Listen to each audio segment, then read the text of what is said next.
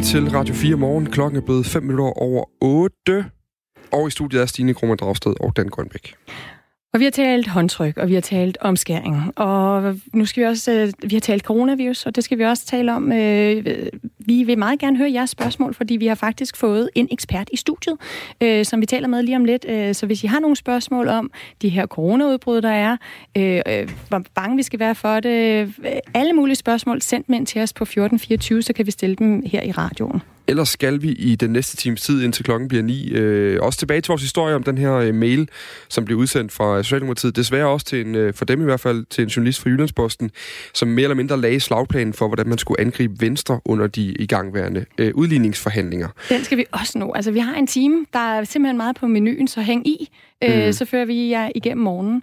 Men øh, vi starter med øh, at tale om coronaviruset, som jo fortsætter med at sprede sig, øh, også her i Europa. Øh, det er i går blevet konstateret øh, de første tilfælde af det i, i Østrig, i Schweiz, i Kroatien, og samtidig så er der nu 11, øh, der er døde i Italien i forbindelse med det her virus. Øh, og der er yderligere 322, der er registreret øh, smittede.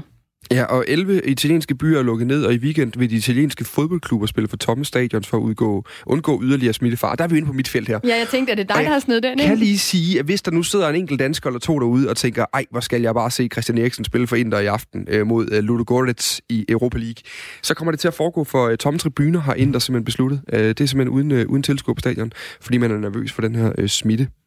I Danmark der har seks hospitaler gjort klar til at modtage coronasmittede, og flere kaserner er sat i beredskab, så man kan huse, hvis der kommer coronasmittede øh, til Danmark, eller nogen af os bliver smittet. Godmorgen, Lars Østergaard. Godmorgen.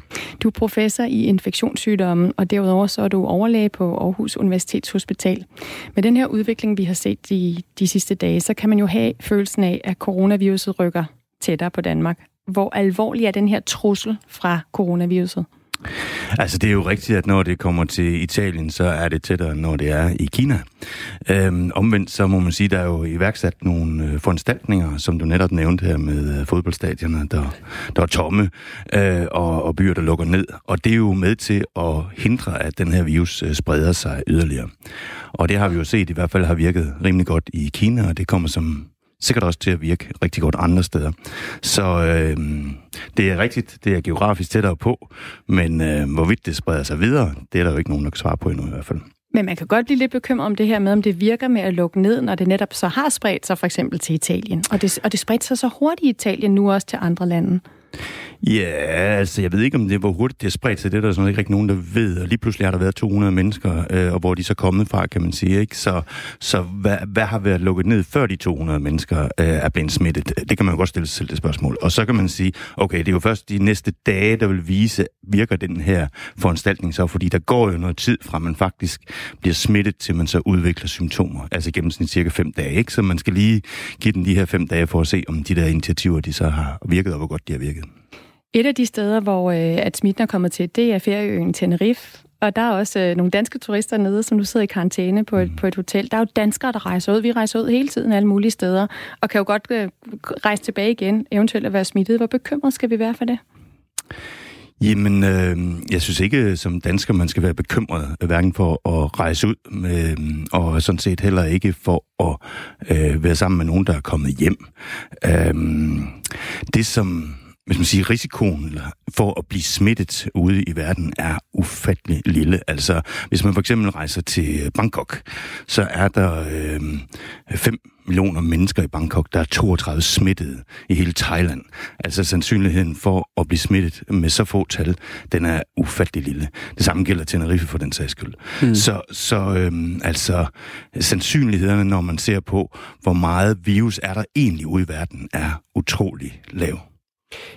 Ja, noget, jeg har tænkt på øh, undervejs, nu, nu jeg sad lige og fandt, øh, jeg sad lige og rode lidt på mine sociale medier på min telefon, fordi der var en, der skrev det andet i går på, på Twitter, var det, at der en, der skriver, i, i 2018 døde der knap 1800 danskere influenza, at hele verden er gået i stå, og aktiemarkederne styrtbløder, fordi 2700 døde corona er hysterisk. Var det Ebola, kunne jeg måske forstå det. Ingen fortæller i øvrigt om de plus 30.000, der har haft corona, og i dag er raske igen. Altså, er, er, vi, er vi ude i sådan en hysteri-ting? For det er jo også noget, man støder på hele tiden. Det her. Det er jo bare, influenza slår mange flere ihjel, så prøver man sådan at relativisere håndtere det på den måde. Ja. Altså, jeg kan godt forstå, at folk er nervøse, når der kommer noget nyt. Altså, det, det vil alle være. Øh, men hvis man skal prøve at sætte det i perspektiv, så øh, kan vi sige, at sådan ud fra, fra øh, de ting, vi oplevede i Kina, hvor man var fuldstændig uforberedt, og hvor det hele startede, hvis vi så siger, at Kina har den størrelse, som Kina har, et rigtig stort land, og så siger okay, hvad vil de samme tal betyde for Danmark, hvis det går lige så galt som i Kina, hvilket det ikke kommer til at gøre, fordi vi er jo rimelig velforberedt nu, øhm, jamen så vil det svare til, at uh, cirka 300 danskere vil få behov for at komme på hospital og blive undersøgt. Cirka 30 danskere vil få et alvorligt forløb, øh, og et fortal vil, vil miste livet, og det er selvfølgelig altid trist, mm. men det er jo rigtigt nok, som du siger, altså en influenzaepidemi, øh, sådan set øh, er der jo mange flere, der mister livet. Mm. Så, så sådan proportionerne øh, er nok sådan øh, lidt, lidt ude af, af, af trit, men, men omvendt, så, så er det jo sådan med nyheder. Altså, altså de, de, de er jo nye, øh, og der er jo ikke nogen, der laver gamleheder, vel? Øh, så det, man ser i medierne, det er jo, det er jo de nye ting, øh, og, og sådan er det. Det er jo bare et vilkår, mm. øh, som man forholder sig til. Men hvis, hvis jeg som læge på mit hospital kun tog, sig af, tog, tog mig af det, de nye ting, så ville der være rigtig mange med, med de gamle ting, som, som det vil gå skidt for. Så, så, så det handler simpelthen om at sætte, sætte det nye i proportion mm. øh, i forhold til, til, hvad vi dels i øvrigt har, men også hvordan vi tidligere har set de her epidemier. Altså, øh, nu har jeg været med tilbage helt fra, fra SARS i 2003 til, ja. til fugleinfluenza, til svineinfluenza, til MERS, til Ebola. Og, og, og der tegner sig jo et mønster hver gang, øh, hvordan det her faktisk lader sig gøre at inddæmme, men at der kommer meget, meget fokus på det, så længe det er nyt. Og det er nok. Øh, nu nævnte du lige øh, MERS øh, som en af de øh, øh udbrud, der har været. Øh, det er jo, så vidt jeg husker, et af dem, som, som netop ikke er afhængig af, hvilken årstid vi har. Altså det fortsætter os selv. Det kan sagtens trives, mens det er varmt. Ved vi noget om det nu med coronaviruset? Øhm, altså jeg vil sige, jeg ved det ikke, øh, og nu har vi jo også kun kendt den i ganske få måneder, så det er svært at sige, hvordan det fungerer om, om sommeren i Danmark.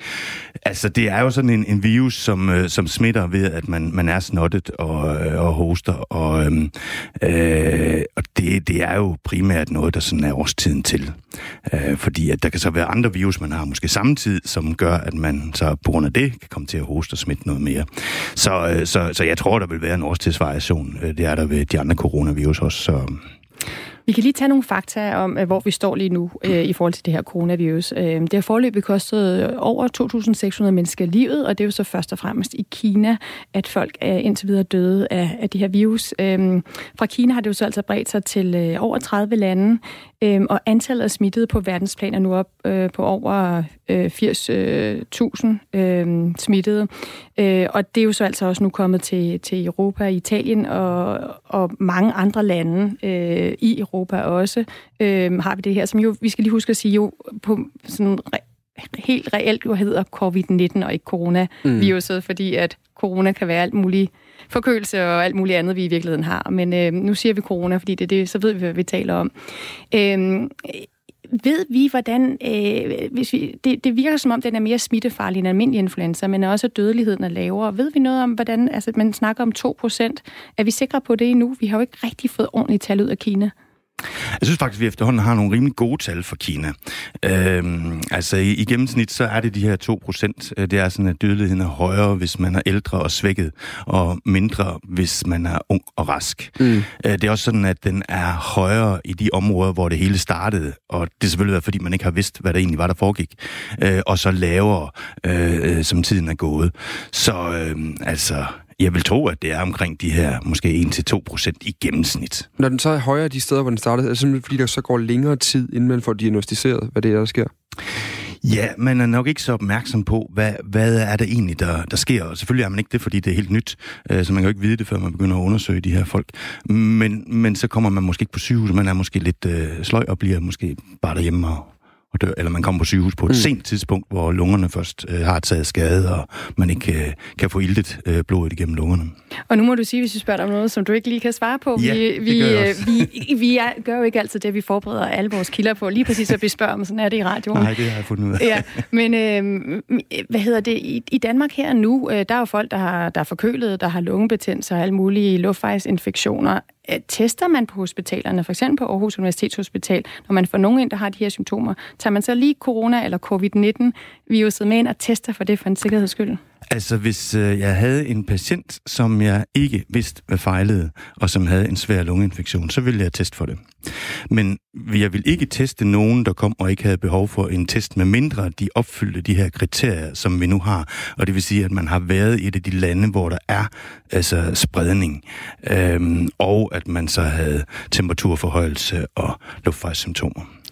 Hvis du der sidder derude og lige skal nå at have et spørgsmål med til Lars Østergaard, som vi har besøg af her i studiet, så gælder det om at sende det ind nu, øh, fordi han er en travl mand, han skal også afsted videre på et tidspunkt. Og så god er kaffen ikke her på Radio 4, vi kan holde om, tror jeg. Men øh, Lars Østergaard har i hvert fald besøg af, der er professor i infektionssygdomme, og derudover overlæge på Aarhus Universitetshospital. Der er en, der har skrevet ind til os, Lars Østergaard. Øh, skal man tænke sig om en ekstra gang, før man nu og her tager en tur til Sydspanien? Jeg synes ikke, man skal tænke sig om en ekstra gang, øh, før man rejser til Sydspanien. Altså, man skal altid tænke sig om, når man øh, rejser ud, og øh, hvis man lige holder sig en god håndspredt væk fra nogen, der ser syge ud og hoster og, mm. og, og, og prutter, sprutter, så, øh, så hvad hedder det, øh, vil det være en, en udmærket idé, så kan man have en god håndhygiejne og vaske sine hænder øh, lidt hyppigere, end man måske ellers plejer. Så var vi også lidt inde omkring på, hvem, hvem det er, der ligesom er ekstra farligt for det her øh, covid-19, øh, eller coronavirusen, som vi jo populært set bare kalder den. Ved man om, øh, der er en, der skriver, ved man noget om, hvor farligt det er for gravide og børn at blive smittet? Er ufødte børn ekstra udsat? Det øh, ved man uh, utrolig lidt om, øhm, så det synes jeg er svært at svare på på nuværende tidspunkt. Og så har vi også lige fået en uh, kommentar her. Det var da en dejlig nyhed, at der er utrolig lille chance for at blive smittet med coronavirus her i Danmark. Så er der overhovedet ingen grund til, at vi skal snakke om det i alle programmer efterhånden. Det kan selvfølgelig også være en notits, vi kan tage med. Det kan man godt, men altså, Ulrik, det kan jeg ikke love, fordi der er jo det her med coronaviruset, som vi også talte om i går. Det har allerede påvirket verdensøkonomien. Det er endnu en grund til, at også journalister kan tale om det. Og så synes jeg også personligt, der er et eller andet med, øh, hvis det breder sig, og der pludselig kommer karantæne, hvor, hvor kan man så risikere lige pludselig at skulle blive mm. et eller andet sted? Ikke? Jeg skal for eksempel rejse her på lørdag. Kan jeg så ikke komme tilbage igen og komme i radioen? Det håber vi da på, ellers så bliver det da ensomt at stå i det her studie, Stine. Øh, lige til sidst, Lars Østergaard, er der, er der sådan en afsluttende bemærkning, øh, hvis vi nu det gør vi jo aldrig, men hvis nu ligesom åbner mikrofonen for en kilde, sådan helt åben, er der noget, du gerne vil sige, sådan helt generelt, som du synes måske lidt øh, bliver overset i det her? Jamen, jeg synes, det vigtige er, at øh, den her fokus, som er i øjeblikket, det skyldes, at det her er en nyhed. Mm. Altså, vi har nogle sundhedsproblemer, der er væsentligt større, som ikke er nyhed, men gammelheder. Øh, og det, det skal vi sætte øh, i relief med, med coronavirusen. Vi har fået ved, der er kommet en sms mere. Vi skal lige se, øh, om vi kigger lige ud på vores producer, om vi kan finde den Jamen, her. jeg har den her. Den der ja. en, der skriver, hvorfor er det ligegyldigt med masker? Er det ikke en god idé, når man nu ikke øh, kan vide, om andre holder sig for munden, når de hoster og nyser? Det er sådan, at øh, de her almindelige kirurgiske masker, de øh, beskytter ikke mod, at øh, man får infektionen. Øh, omvendt så beskytter de, hvis man har infektionen, sådan at man ikke smitter nogen andre. Så dem, der skal bruge sådan almindelige masker, det er sådan set dem, der er syge, og ikke dem, der er raske. Sådan, så fik vi i hvert fald den med. Tak for besøget, Lars Østergaard. Jamen selv tak da. Jeg håber, at kaffen var nogenlunde. Det var en fantastisk kaffe. Det var godt. Professor i infektionssygdomme, overlæge på Aarhus Universitetshospital, altså på besøg her i studiet i Aarhus.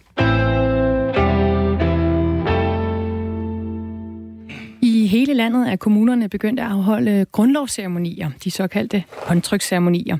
Og det er jo altså der, hvor nye danske statsborgere skal trykke hånd, enten med en borgmester, eller med en embedsmand, eller kvinde. Der er jo nemlig valgret i nogle kommuner. Det har vi fulgt rigtig meget de sidste uger øh, her på Radio 4, og også her til morgen.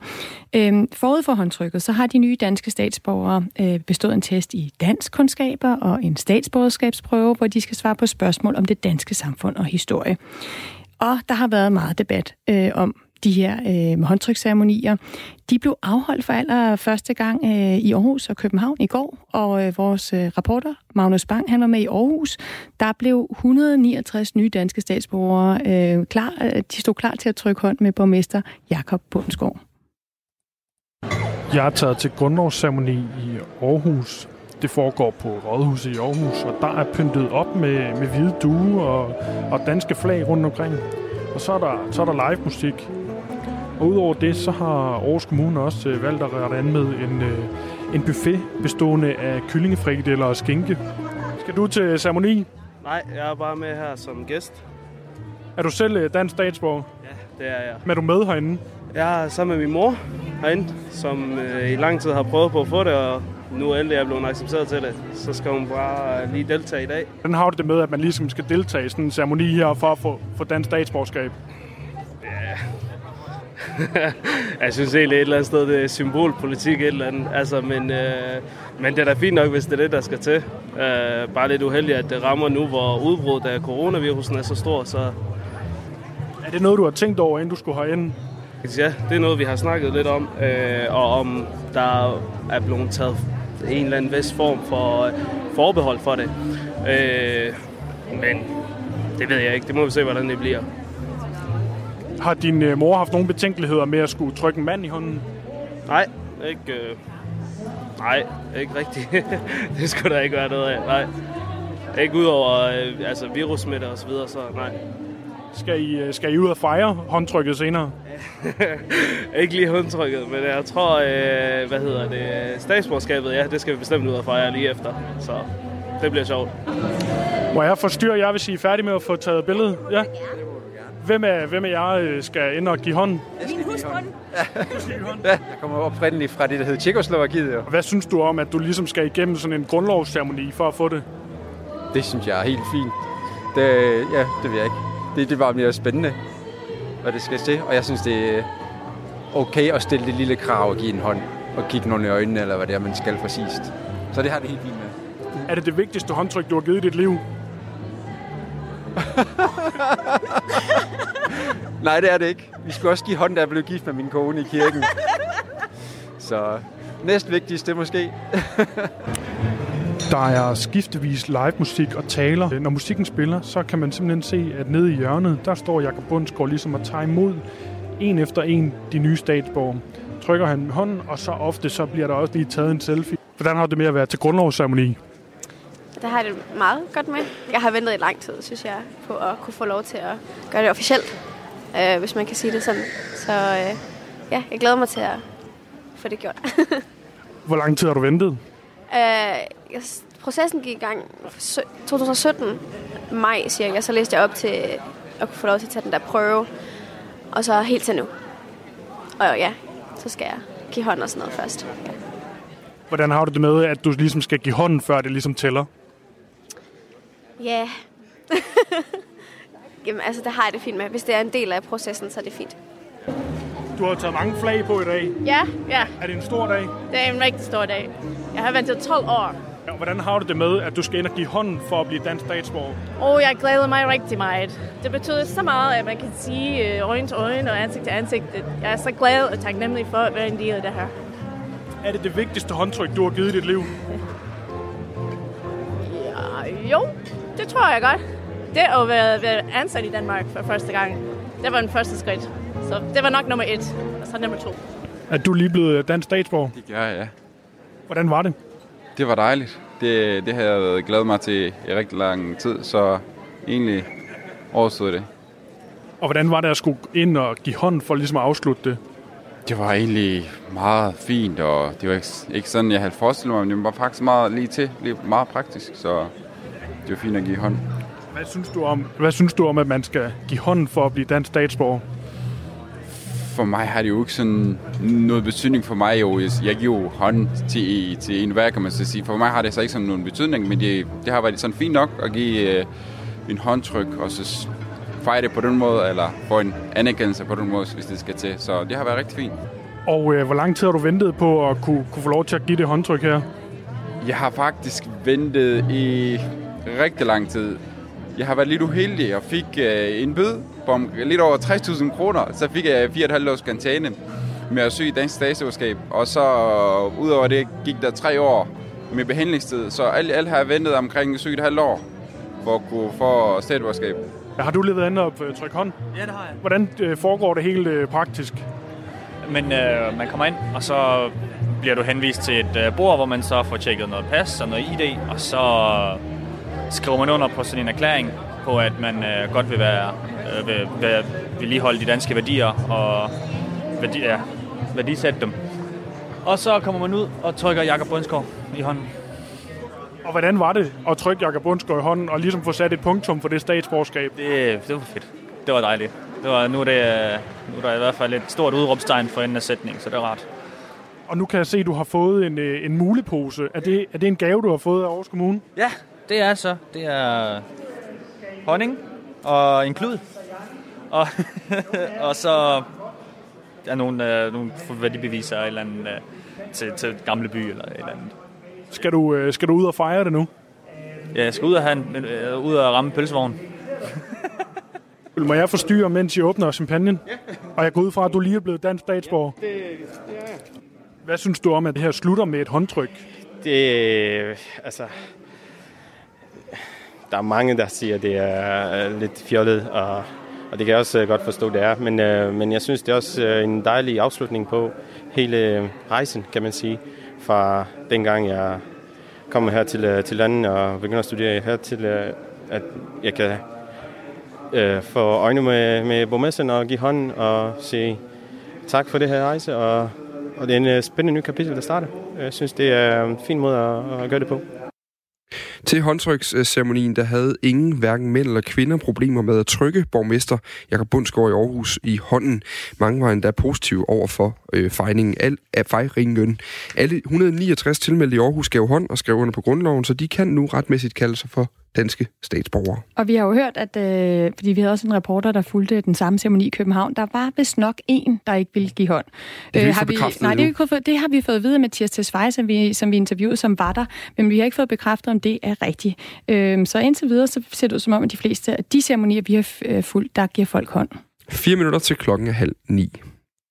Nå, Dan, nu skal du lige forestille dig, at du øh, bliver fanget Øh, du bliver puttet... Bare helt generelt det der. Ja. ja. Du bliver fanget, du bliver puttet i et bur. Ja. Ja, du bliver kørt til et hospital. Ja. Og formålet er, at du skal steriliseres. ja, okay. Så har man alligevel fået, så har man fået for mange børn. Jeg tænkte, nu har vi et tema i dag om at Ej, det, snitte... det skal vi køre ind i. Nej, Ej det er Godt. for meget. Nej, ja. Øh, du sidder i det her bur. Du ja. venter på, at lægerne skal hente dig. Så opdager du, at låsen til buret er i tu. Hvad gør du? Jeg smutter. Du smutter? 100. Okay, nu skal du høre, hvad der var nogen, der gjorde her. Prøv lige at sætte det næste klip på.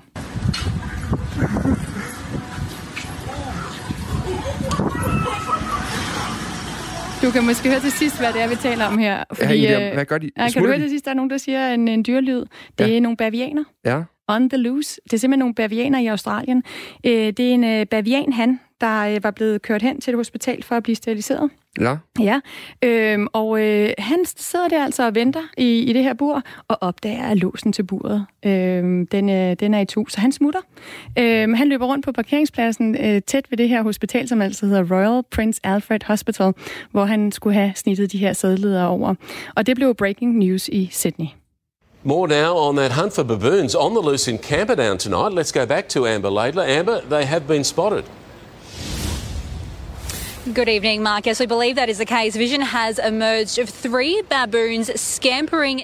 Eneste, jeg tænker her, det er hold op, hvor er vi bagud på lyddesign, mand. Hørte du den der? Ja, bzzum, ja vi, vil, ja. vi, vi, sådan en jingle vil vi gerne have. Ja. Nå, men altså, de her øh, bavianer, for det var faktisk ikke bare handen. Han havde nemlig fået to hunder med, og det havde han simpelthen med det forhold, formål at holde ham rolig det lykkedes jo så ikke helt. Men, øh, men de lykkedes, det lykkedes i hvert fald sådan, så meget, at øh, de faktisk var meget velopdragende, da de, da de slap ud. Så nogle bavianer kan faktisk være farlige. Mm. Man var bange for, at de kunne blive aggressive, når de ikke var i deres vante omgivelser. Men ifølge sundhedsministeren i New South Wales, som altså det område, det foregår i det her, så var de meget velopdragende.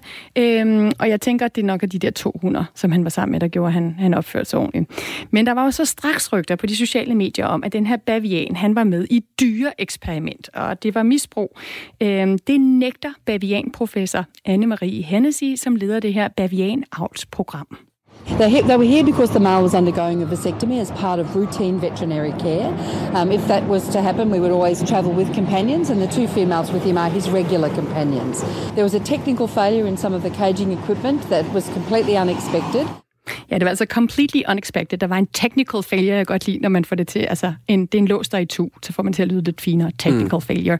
Grunden til, at han skulle øh, øh, steriliseres, øh, det var, at han øh, skulle... Øh, det er simpelthen, at han kunne blive med sin familie. Han har simpelthen fået for mange unger. Ja. Øh, og så er det så svært at flytte den her gruppe rundt sammen. Så altså, hende her bavianprofessoren, hun forklarer, at det var simpelthen for, at han kunne få lov til at blive med den familie, han, han godt kan lide, og føle sig tryg med, at man skulle sterilisere ham.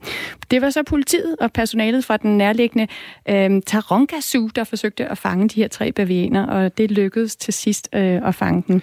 Og han er så nu returneret? Han er returneret, øh, og det er faktisk ikke til Zoologisk Have, men til det her øh, bavian-avlsprogram, øh, som, hvor han lever med en gruppe andre bavianer. Og han har altså stadig sine strenge intakt. Øh, men det forlyder, at han stadig skal omskæres, og næste han gang... Han skal steriliseres? Han skal steriliseres, undskyld, ja. Det de, er, fordi vi har skåret, ja, vi har ja. så meget om at snitte. Ja, øhm, ja øh, ej, næste, han skal steriliseres, og ja. det skal vi jo ikke sammenligne de to ting. Men altså, næste gang, så skal, øh, så siger de, at så vil man altså bedøve den her handbavian, og så er det bare, jeg tænker, så kan det være, at han vil øh, tænke sådan her. Prøv at høre. So wake me up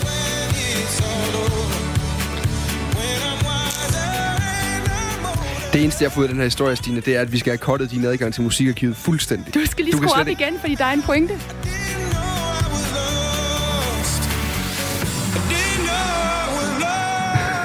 det er for meget. Det er så skønt. Han, ja, væk mig op, når det er overstået. Anne Philipsen, du har ikke noget musik med i nyhederne, vel? Det er ikke, hvad jeg ved af i hvert fald. Så skal hun have snedet sig ind i mit øh, arkiv også. Det tvivler jeg på, ikke? Jeg slukker for hendes mikrofon nu. Værsgo.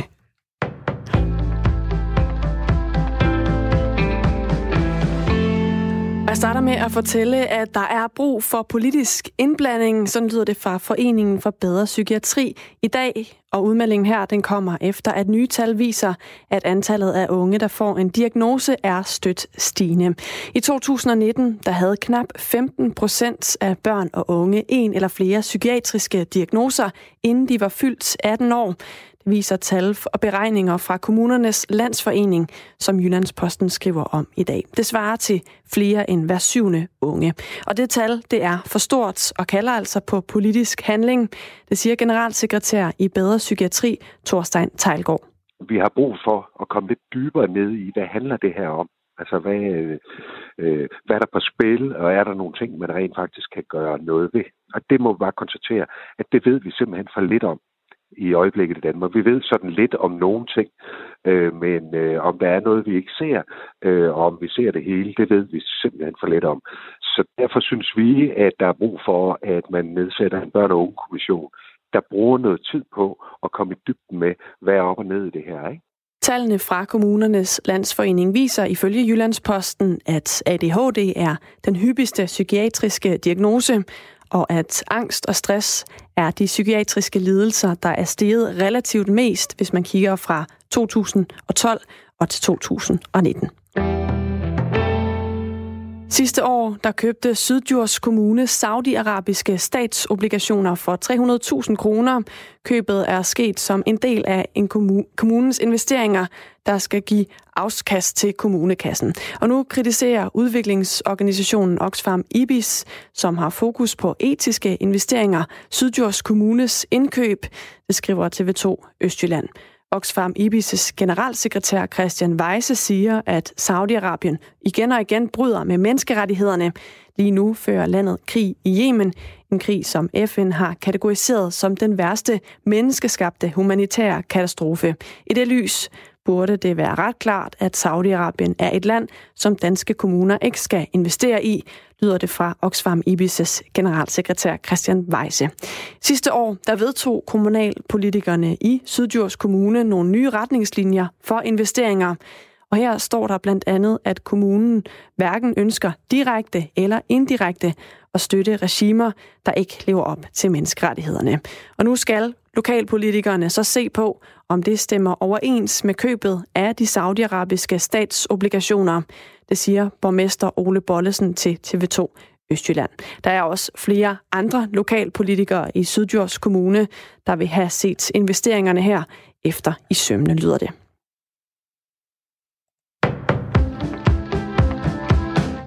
Alternativets hovedbestyrelse udtrykker fuld tillid til den politiske leder Josefine Fock. Der var møde i Alternativets hovedbestyrelse i går aftes, og det var der efter, at anonyme kilder i Information i weekenden beskrev en række episoder, hvor den politiske leder skulle have overfuset folk i partiet. Men hovedbestyrelsen har altså fuld tillid, det skriver Jesper Kallesen, der er talsperson for Alternativets hovedbestyrelse i en pressemeddelelse. I Information-artiklen, der altså blev publiceret i weekenden, der fortalte fire anonyme kilder, at de med egne øjne skulle have set Josefine Fock gribe fysisk fat i folk, når hun er blevet vred på dem og episoderne skulle være sket i perioden 2015 til 18, da hun var medlem af Folketinget. Josefine Fox selv har afvist kritikken. Lidt eller nogen sol derude i dag, men også spredte byer, der kan være med slud og tøsne, og temperaturer op mellem 2 og 5 graders varme.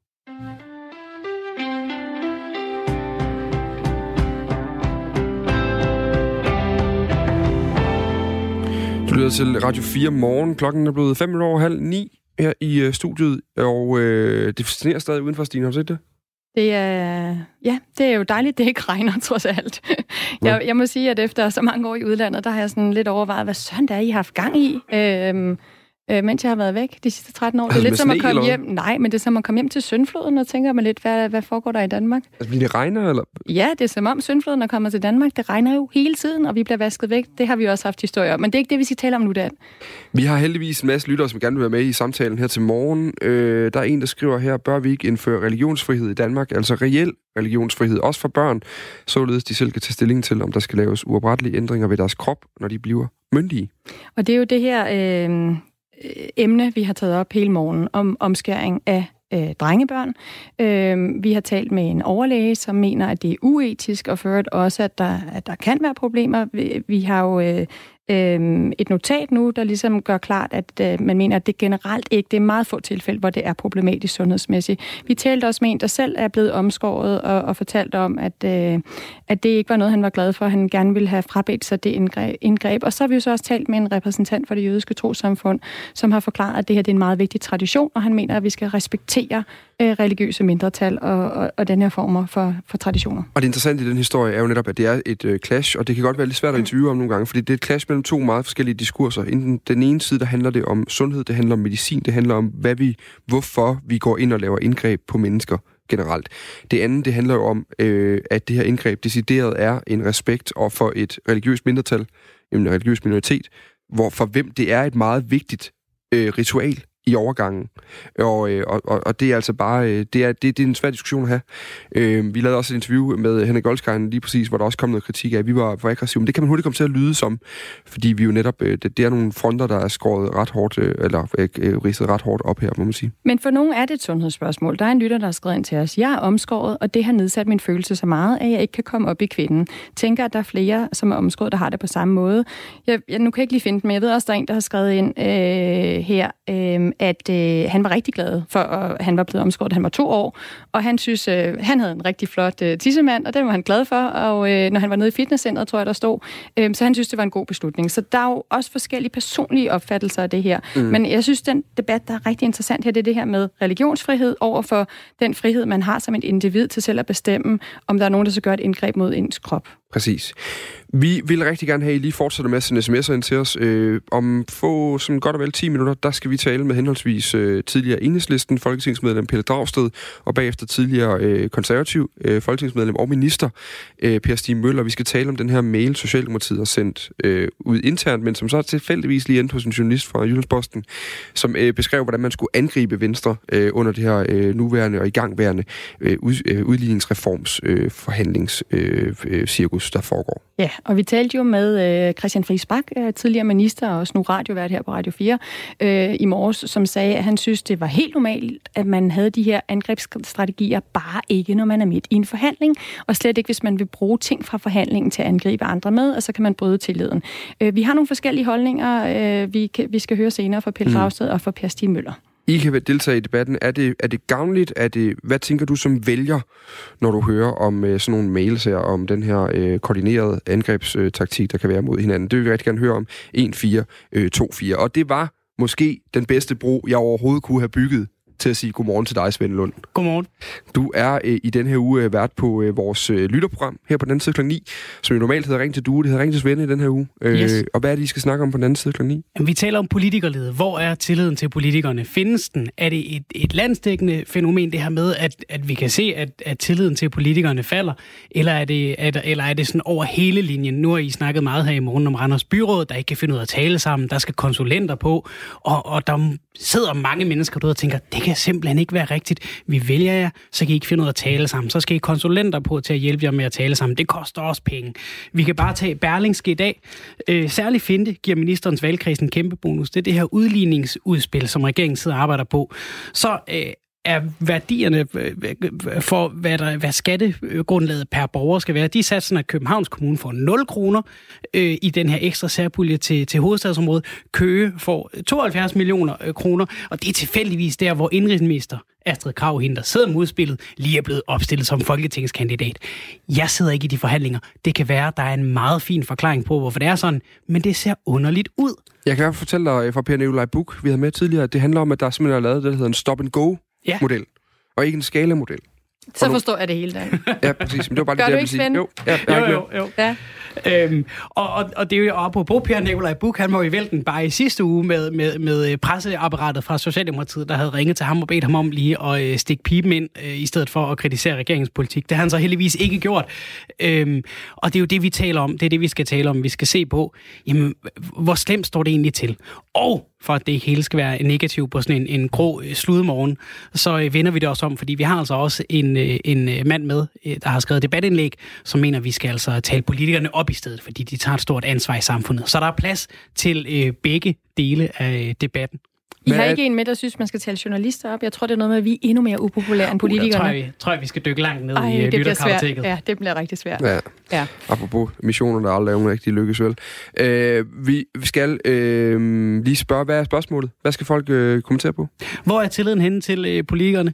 Hvordan står det egentlig til derude? Det er det, vi rigtig gerne vil høre. Det er naturligvis 72 30 44 44 eller øh, 14 24 R4 mellemrum. Det er lige om en 19 minutters tid. Og hvis man vil rose dem, så må man også gerne skrive. Det må man i hvert fald. Det må man gerne. Svend Lund Jensen, mine damer og herrer, det bliver kl. 9.05, han går i gang med øh, Ring til Svende i dag. En intern socialdemokratisk mail med et øh, planlagt angreb på Venstre i de her udligningsforhandlinger, der foregår lige nu, det har fået både statsminister Mette Frederiksen og finansminister Nikolaj Vammen til at øh, gå ud og undskylde, i hvert fald beklage, og imens råber øh, Venstre op om det, de kalder fordækt dobbeltspil. Godmorgen, Pelle Dragsted. Godmorgen. Tidligere medlem af Folketinget og øh, rådgiver for Enhedslisten. Øhm, du har kaldt, vi kan lige starte med Venstres selvfremstilling. For den har du, øh, den, det er jo sådan der med, at vi er forfulgte, og Socialdemokraterne øh, kører et fordækt dobbeltspil, og vi kan, simpelthen ikke, vi kan simpelthen ikke leve med det, der foregår lige nu. Det har du kaldt for teatralsk. Hvorfor har du gjort det? Jamen, altså, jeg synes egentlig, det mest øh, interessante ved den her øh, afsløring, det er ligesom det efterspil, der har været. Altså herunder både de undskyldninger, der er kommet, og, og, og så Venstres øh, fremstilling af sig selv som sådan nogle lidt øh, uskyldige, øh, forfulgte uskyldigheder. Fordi øh, min klare opfattelse er, at, at den her mail fra en presseafdeling, som så er øh, lækket ved en fejl, at den kunne sådan set være kommet fra øh, hvilken som helst... Øh, for hvilken som helst øh, øh pressekontor blandt på hvilket som helst parti på Christiansborg. Øh, og, øh, og min anden pointe er jo, at, øh, at jeg synes, der er noget mærkeligt ved den forarvelse, der er over det her. Altså det her med, at Socialdemokraterne planlagde et, øh, nogle angreb på Venstre.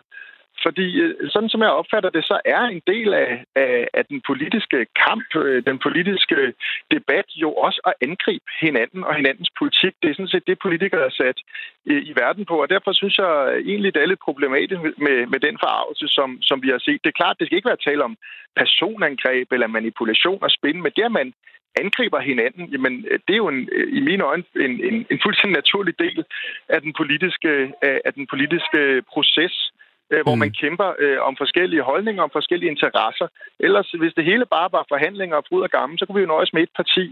Altså, det er ligesom om, man glemmer, at fordi vi har et parlamentarisk demokrati, og, og gud skal takke lov for det, øh, men det betyder ikke, at konflikter forsvinder. Partierne kæmper jo stadigvæk for forskellige sager, for forskellige interesser, øh, og, og det indebærer altså også, at man øh, angriber andre partier og deres holdninger øh, og forklaringer. Øh, Ja. og, og det er det, jeg synes, øh, derfor synes jeg, at den her farvelse er sådan lidt forstilt, ja. øh, som har præget den her debat. Du, du, du, har, du er inde på et argument, som, som også øh, ligesom florerede mange steder i går ved folk. Det var gerne folk, der havde meget med Christiansborg og med politik at gøre, som selvfølgelig har indsigt i de ting, men hvor, hvor, hvor alle var sådan lidt, nå, uh, det er da ikke det store, det her. Det sker øh, hele tiden, og det kunne lige så godt være de andre. Vi havde Christian Friis Bak med tidligere på morgenen, som sagde, at Ja. øh, det handlede ganske enkelt om, at alle på Christiansborg sad i et glashus her, og derfor skulle man nok holde sig for stenene. Øh, men er det et argument for, at det er rigtigt, at det foregår hvor som helst inde på Christiansborg? Jamen altså, min, min pointe er simpelthen, at øh, den der forestilling om, at, at Christiansborg bare er et samarbejdende folkestyre, hvor man sætter sig ned og finder de bedste løsninger for Danmark sammen i øh, øh, fred for daglighed, det er simpelthen et forkert udgangspunkt. Altså, vi har, vi har et samfund, som er præget af konflikter og forskellige holdninger. Lad os tage et Øh, spørgsmål som landbruget. Skal de lov at gøde mere eller mindre? Ja, der, for, land, for landbruget selv vil, de, vil det være godt at gøde øh, mere.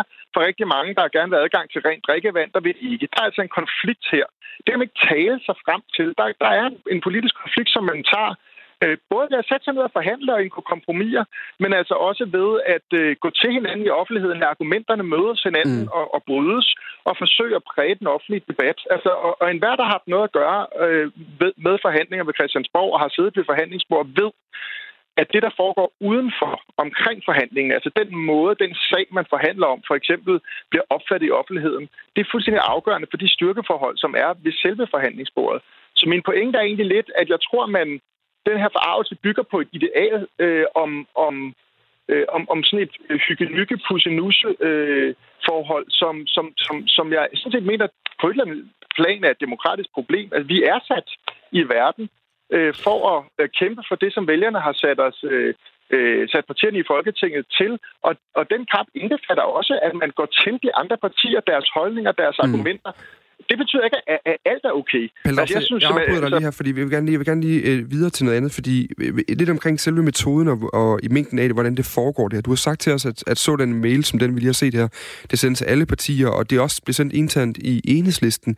Hvad, hvad er det for nogle mails, du for eksempel har været med til at sende rundt i enhedslisten?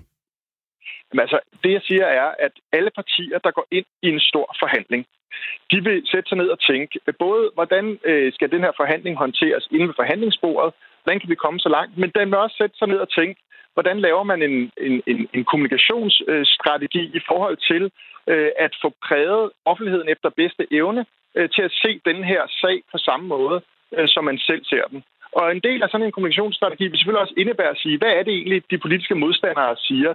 Øh, hvor er problemerne i det? Hvordan kan vi komme ud og fortælle om de problemer? Men altså, har, har der stået det, konkret i sådan en mail, at der skulle, øh, øh, vi laver en koordineret offensiv her, øh, nu bare lige for at rive nogle fuldstændig, det skal jeg lige huske at sige, helt hypotetiske navne ud, øh, Pernille og øh, Johanne og Pelle, det er jer, der ligesom går til angreb på Venstre i den her, og det skal I gøre på Twitter, I skal gøre det derfra, I kan tage ting for forhandlingerne. Er det noget, der har stået i en mail i enhedslisten? Nej, altså, jeg, jeg kan ikke øh, komme i tanker med nogle mail, hvor vi har brugt begreber som angreb og alt muligt andet, men, men det er mere det, at man ligesom siger, at en politisk forhandling også indebærer en offentlig strategi, som også handler om at gå til de politiske modstandere. Altså prøv at høre, det er dybt naivt at forestille sig andet. Hver eneste gang, vi har siddet i en finanslovsforhandling, også over for den øh, seneste regering, jamen så alle de parter, der deltager, de, de, øh, de, de øh, har øh, går også i medierne samtidig. De, øh, øh de kommer med udspil, der skal hvad hedder det, øh, øh, undergrave de krav, de andre stiller. Øh, de kommer med, øh, de går ud og forsøger at få journalister til at kigge på svagheder af de krav.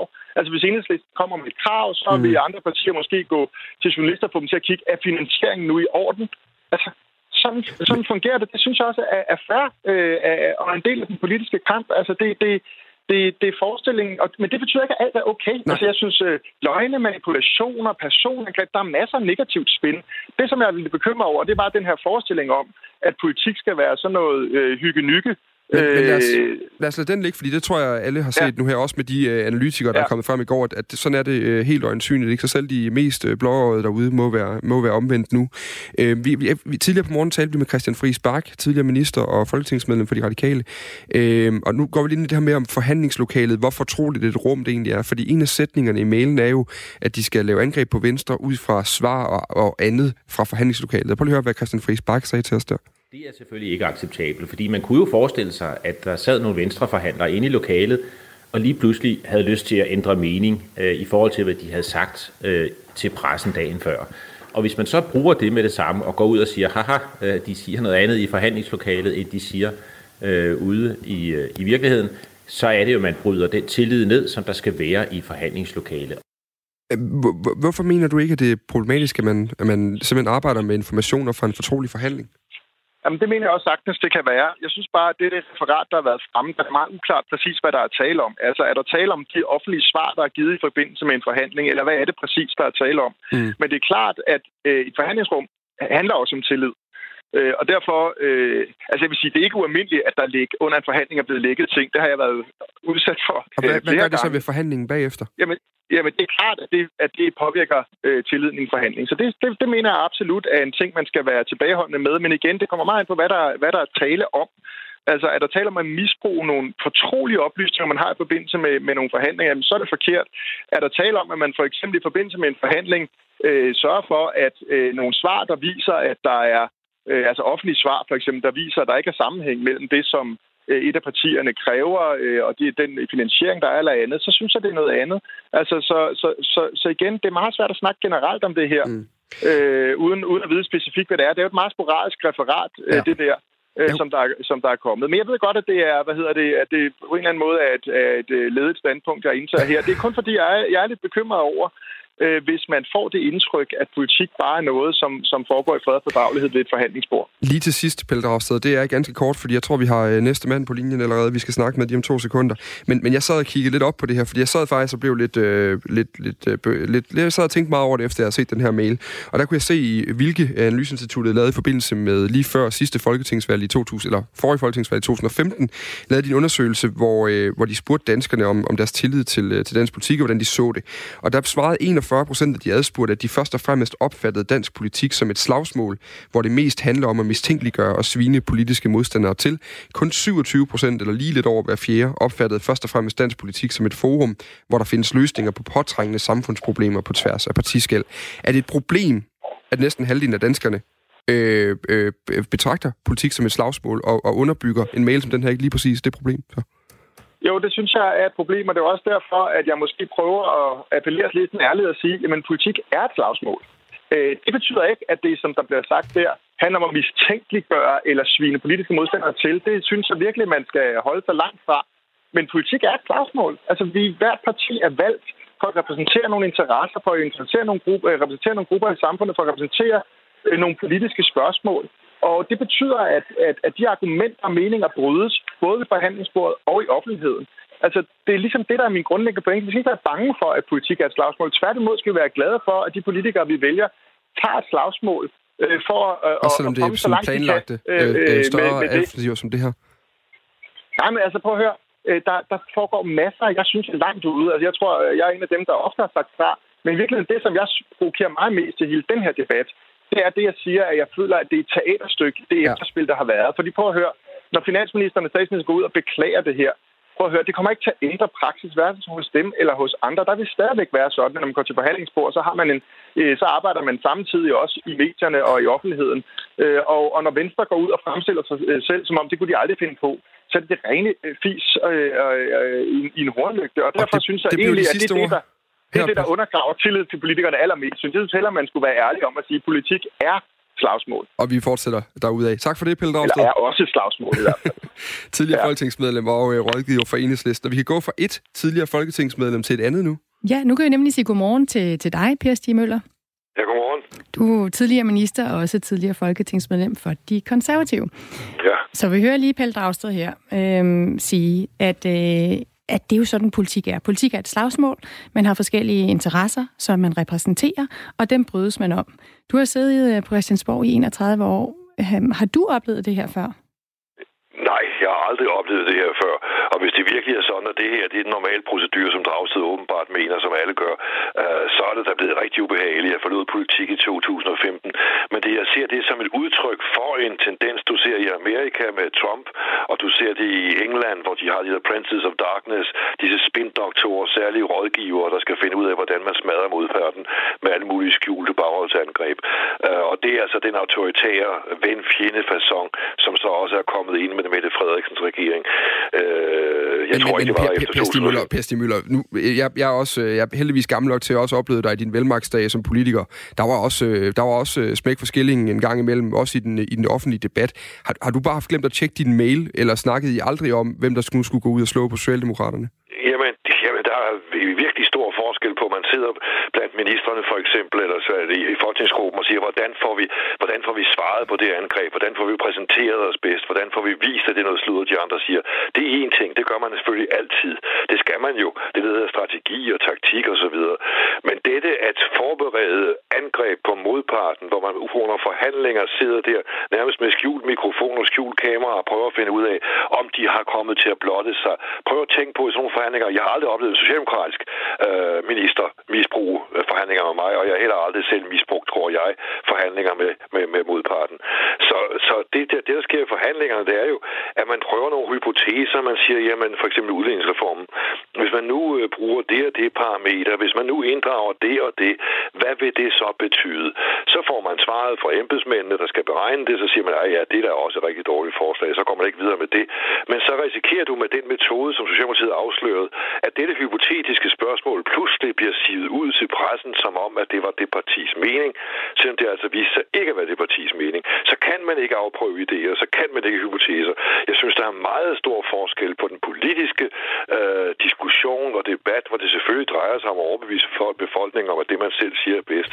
Og så dette i det skjulte at forberede bagholdsangreb øh, med det, man forhandler med. Mm. Altså, det gør det jo umuligt at snakke sammen. Altså, Mås Lykketoft for eksempel havde de der sofamøder. Han har da aldrig misbrugt et eneste sofamøde. Jeg havde da noget tilsvarende, der heller ikke misbrugt det. Der, der er utrolig forskel Men, på Kirsti Møller, hvis jeg lige må... Ja, når lige gør færdig, bare, bare, bare, fik lov til at tale ud. Øh, der er der en utrolig stærk forskel på, at øh, det er skatteyder betalte spindoktorer, som intet mandat har, og så politikere, som er sat til at udvikle for befolkningens vejen, dem de repræsenterer, nogle tanker og idéer. Min, det mit spørgsmål er på, er, at alle har jo de her betalte spindoktorer nu, alle partier. Og er det i virkeligheden ikke bare et tegn på, at hvis man vil varetager en bestemt befolkningsgruppe interesser, man er valgt ind, fordi vi jo netop er uenige om ting her i Danmark. Og, og som politiker skal man sidde derinde og prøve at forhandle for at, at, at varetage de vælgers interesser. Er det så ikke også en god idé, at man også under meget vigtige forhandlinger, vi taler om udligningsreform, vi taler om velfærd for borgerne, øh, har fokus på, hvad der bliver sagt øh, under forhandlingerne og går i medierne. Vi ved jo alle sammen, at det, det er jo det, der bare bliver gjort nu. Andre vil også gå ud i medierne under forhandlingerne. Er det ikke bare the name of the game i dag? Jamen, det er det, der ødelægger det så, for så bliver det umuligt, men det er den autoritære stil med venner og fjender. Og det har man ikke haft før, fordi Danmark er altså et land med mange forskellige partier og næsten aldrig flertalsregeringer. Og det vil sige, at det er nødvendigt, at man har i hvert fald fairness over for hinanden, fordi det ved du jo også selv fra dit eget liv. Hvis du går ned til en købmand, og han snyder dig, øh, og du ikke får den vare, du havde bestilt, han har snydt dig, når han har afleveret det, så kommer du aldrig tilbage til den købmand mere. I politik er det sådan, hvis du snyder øh, og øh, misbruger andre, så kan du ikke lave nye aftaler med dem. Og derfor er det, er det den der autoritære ven fjende der er kommet ind i politik med det her. Du kan ikke lave en aftale med et parti, som du har snydt. De kommer ikke tilbage. Og øh, der er forskel på en politisk meningsbrydning, og så dette er nogle betalte øh, mennesker i det skjulte skal forberede på politikernes vegne et angreb og et misbrug af en fortrolighedssituation. Per Stimøller, nu ser det ud som om, at Venstre nok skal komme tilbage til, den, til, til forhandlingsbordet her, og det hele taget går det jo stadig rigtig godt med at, at, at finde øh, fælles fodslag, når man skal lave et tværpolitisk samarbejde. Så hvorfor at, altså, overdriver du ikke for meget, det her er et problem? Jamen, det jeg synes, det er et kæmpe problem, for du ser det udligningsreformen, hvor du har bærningerne fremgår i dag, at det er skåret meget, meget, meget snævert til, så man rammer sine venner øh, med, med gaver, som man tager fra sine fjender. At de konservative bliver smidt ud af forhandlingsrummet her, det tror jeg pokker, for jeg kan forstå, at det er dem, der skal betale hele gildet ud for det, bærlingerne oplyser. Det er venner, fjender. Du ser det med det angreb, der er lavet, har jeg blevet lavet, som også er blevet afsløret, hvor, hvor spindoktorer og presserådgivere ringer til forskere og journalister og siger, nu skal de nok hellere finde på at tige stille. Ikke? Altså, det er jo en tendens, vi ikke har haft før, som har udviklet sig. Det er muligt, der har været svage tendenser, men nu er det jo fuld flor. Når Mette Frederiksen siger, at jeg beklager, ja undskyld. Det, man beklager, er jo i virkeligheden, at man bliver taget i det. Men så skal jeg lige spørge dig til allersidst øh, her, Per Stig Møller. Er der noget, øh, et godt råd til de, øh, nu er du ikke politiker mere selv, et godt råd til de her politikere, der har taget de her nye metoder i brug fra dig, så vi kan komme væk fra de her autoritære metoder, som du kalder det? Ja, det vil jeg meget gerne. Kan jeg for eksempel give det samme råd, som Mette Frederiksen gav offentligt, men altså ikke er blevet efterfulgt af hendes øh, medarbejdere. Opfører jeg ordentligt. Så leve efter spillereglerne. Det sagde hun for nogle måneder siden. Det har de ikke gjort. Men øh, rådet var der rigtigt, og det samme råd har jeg. Hvis ikke du opfører dig ordentligt, så kan du ikke gennemføre politik på lang sigt. Det sagde øh, Per Stig Møller, tidligere minister fra Konservativ Folkeparti og også tidligere folketingsmedlem igennem 31 år. Så rigtig meget erfaring med øh, forhandlinger. Og øh, på den måde nåede vi også hen til øh, næsten enden af programmet. Anne Philipsen er kommet i studiet. Det er sådan en øh, meget fin øh, vink med en vognstang om, vi skal til at få trække os, øh, Stine Krohmann Dorrasted. Øhm, og vi skal ikke spille musik her til sidst, Nej, det skal vi ved Nej, Gud ikke. jeg har ellers Øh, fået ros for at spille lidt musik i programmet. Ja, Ja. men ved du hvad? Det er kæmpe, Jeg synes også, Anne, hun kæmper står altså og smiler. Nå, okay. Ja. Nej, men altså, det vi kan sige, det er, at øh, vi har været igennem øh, nogle emner, øh, som, er rigtig, som der er rigtig meget debat om. Ikke bare den sidste her med, hvordan med politikere de fører politik, og hvordan man samarbejder. Er det en politisk kamp, eller skal der opbygges tillid? Vi har også været igennem øh, debatten om øh, omskæring af drenge. Øh, og der er, er blandt andet nogen, der lige har skrevet ind, fordi jeg, jeg spurgte om det med omskæring af piger, der er nogen, der har skrevet ind, at det er noget helt andet. Kunne I ikke også dække det? Det har vi også været inde på her på Radio 4. Det er en rigtig svær diskussion. Vi fortsætter den, og vi fortsætter helt sikkert også den her debat, vi har været inde over med håndtryk øh, ceremonier, når man skal være dansk statsborger. I morgen er det torsdag. Det er den 27. februar, og der er vi tilbage i din morgenradio kl. 5.06. Ha' en rigtig fornuftig dag derude, og kør sikkert. Der